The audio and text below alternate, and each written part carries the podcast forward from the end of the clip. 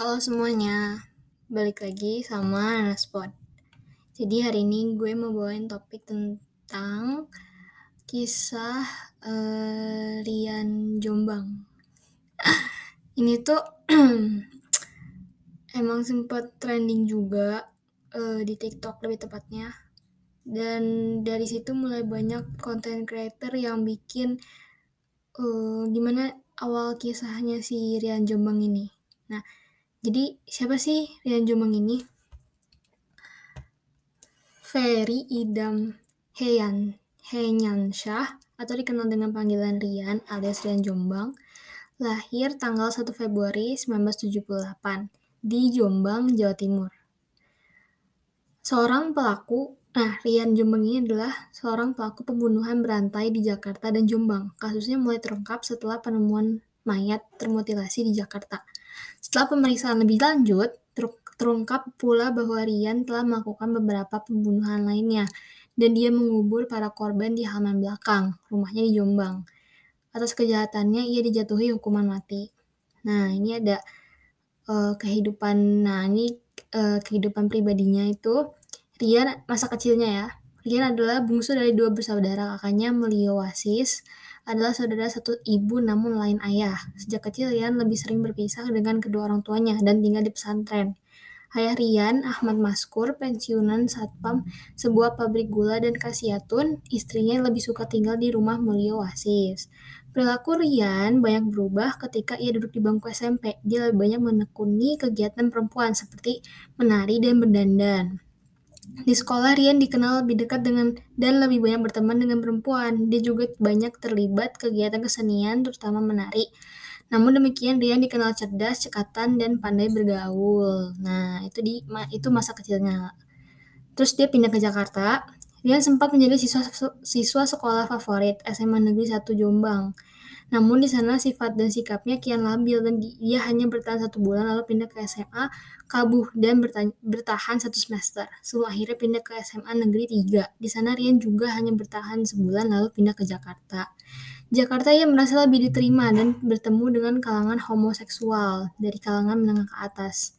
Sorry banget ya nyebut itu tadi. Di, di ibu kota, Rian kerap berpindah-pindah tempat tinggal. Ia pernah tinggal di beberapa kamar kos atau kamar apartemen dengan harga sewa tinggi. Apartemen apartemen tempat Rian membunuh dan memutilasi Heri Santoso adalah apartemen bertipe studio, hanya satu ruangan dengan harga sewa dengan harga sewa 1 juta per bulan. Sebelumnya ia bahkan pernah tinggal di tempat kos dengan harga sewa 2,6 juta per bulannya. Nah, ini pembunuhan pertama nih ya. Menurut pengakuannya, sampai saat ini korban Rian yang pertama adalah Guru Setio Pramono alias Guntur, umur 27 tahun, yang dibunuh pada buli, bulan bulan Juli 2007 di rumah orang tua Rai, Rian di Jombang. Kepala Guntur dipukul dengan benda keras hingga tewas. Mayatnya lalu digulung dengan kasur dan dibakar. Sisa-sisa tubuh Guntur kemudian digulung, digulingkan ke dalam kolam ikan di halaman belakang rumah lalu dikubur dengan tanah. Ini ada teweknya ya, trigger warning ya. Jadi kalau buat kalian yang agak kayak um, risih gitu denger ya, dan mendingan gak usah dengerin. Gitu. Nah ini yang kedua, ini kasus mutilasinya. Ya, ini tewek juga ya, trigger warning juga.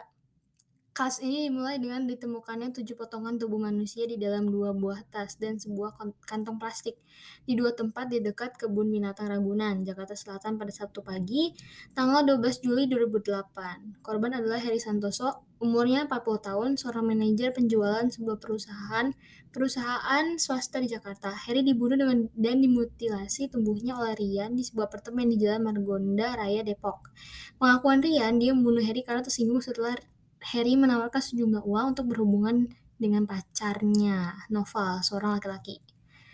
Ini sorry banget, bener-bener sorry banget. Ya oke. Okay. Nah oke okay, lanjut. Jejak Rian dan Noval dapat terlacak setelah mereka berdua menggunakan kartu ATM dan kartu kredit Harry untuk berfoya-foya. Nah ini pembunuhan sebelumnya. Setelah media memberitakan kasus mutilasi yang dilakukan Rian, banyak masyarakat melaporkan kerabat mereka yang hilang setelah sebelumnya diketahui bersama Rian.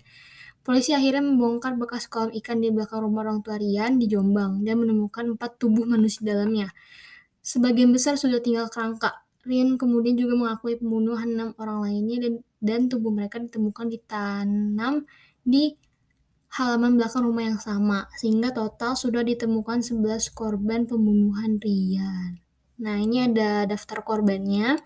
Sampai saat, ini sudah 11 orang yang diketahui menjadi korban ditemukan dengan kondisi termutilasi dekat di dekat kebun binatang Ragunan tanggal 12 Juli 2008, Heri Santoso. Ditemukan dalam penggalian pertama di halaman belakang rumah di Jombang, tanggal 21 Juli 2008.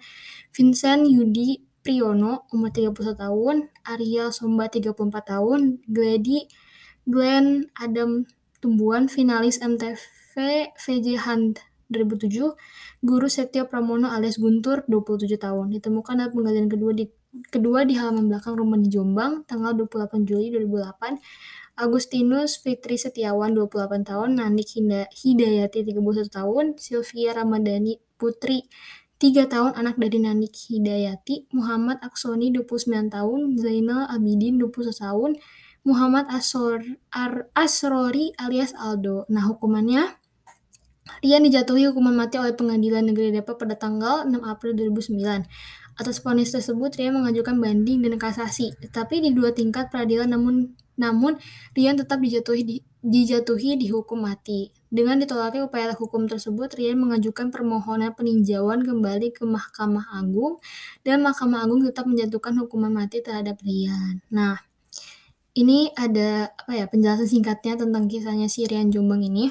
Nah, kalau gue denger-denger itu dia tuh kanibalisme gitu guys, kanibalisme. Jadi e, kalau nggak salah nih ya pembunuhan pertamanya itu dia di uh, kalau nggak salah ya pembunuhan pertamanya tuh diambil dagingnya terus dimasak dimasak sop gitu terus dikasih ke orang tuanya. Dan orang tuanya nggak tahu kalau itu adalah daging manusia. Jadi dia itu kanibalisme. Kayaknya sih kalau ya kalau nggak salah tuh yang gue inget-inget tuh dia itu uh, miskin guys jadi ya jadi dulunya tuh miskin gitu terus nggak ada mungkin gak ada makanan atau apa jadi dia terpaksa untuk ya memakan daging manusia gitu. Tapi kalau kalau salah sorry banget ya, soalnya itu gue juga udah pernah nonton sih di salah satu uh, youtuber gitu. Jadi ya itu yang gue inget gitu. Nah itu dia cerita uh, singkatnya kisah Rian Jombang. Jadi kalau misalkan kalian yang agak kayak uh, risih gitu dengarnya gimana ya, ininya, karena Rian Jombang ini kanibalisme gitu dan sebenarnya dia kanibalisme tuh cuma di kampungnya doang terus ke di kampungnya terus di Jakarta dia mungkin ya itulah ya tadi ya mutilasi apa segala macam kayak gitu nah oke okay. ya yeah. yeah, that's all for today Thank, uh, semoga suka and hope you enjoy it ini bener-bener tewek banget tiga warning nanti gue kasih tahu kalau misalkan kalian um, ag ya kalau misalkan ada risih atau segala macam jangan didengerin juga.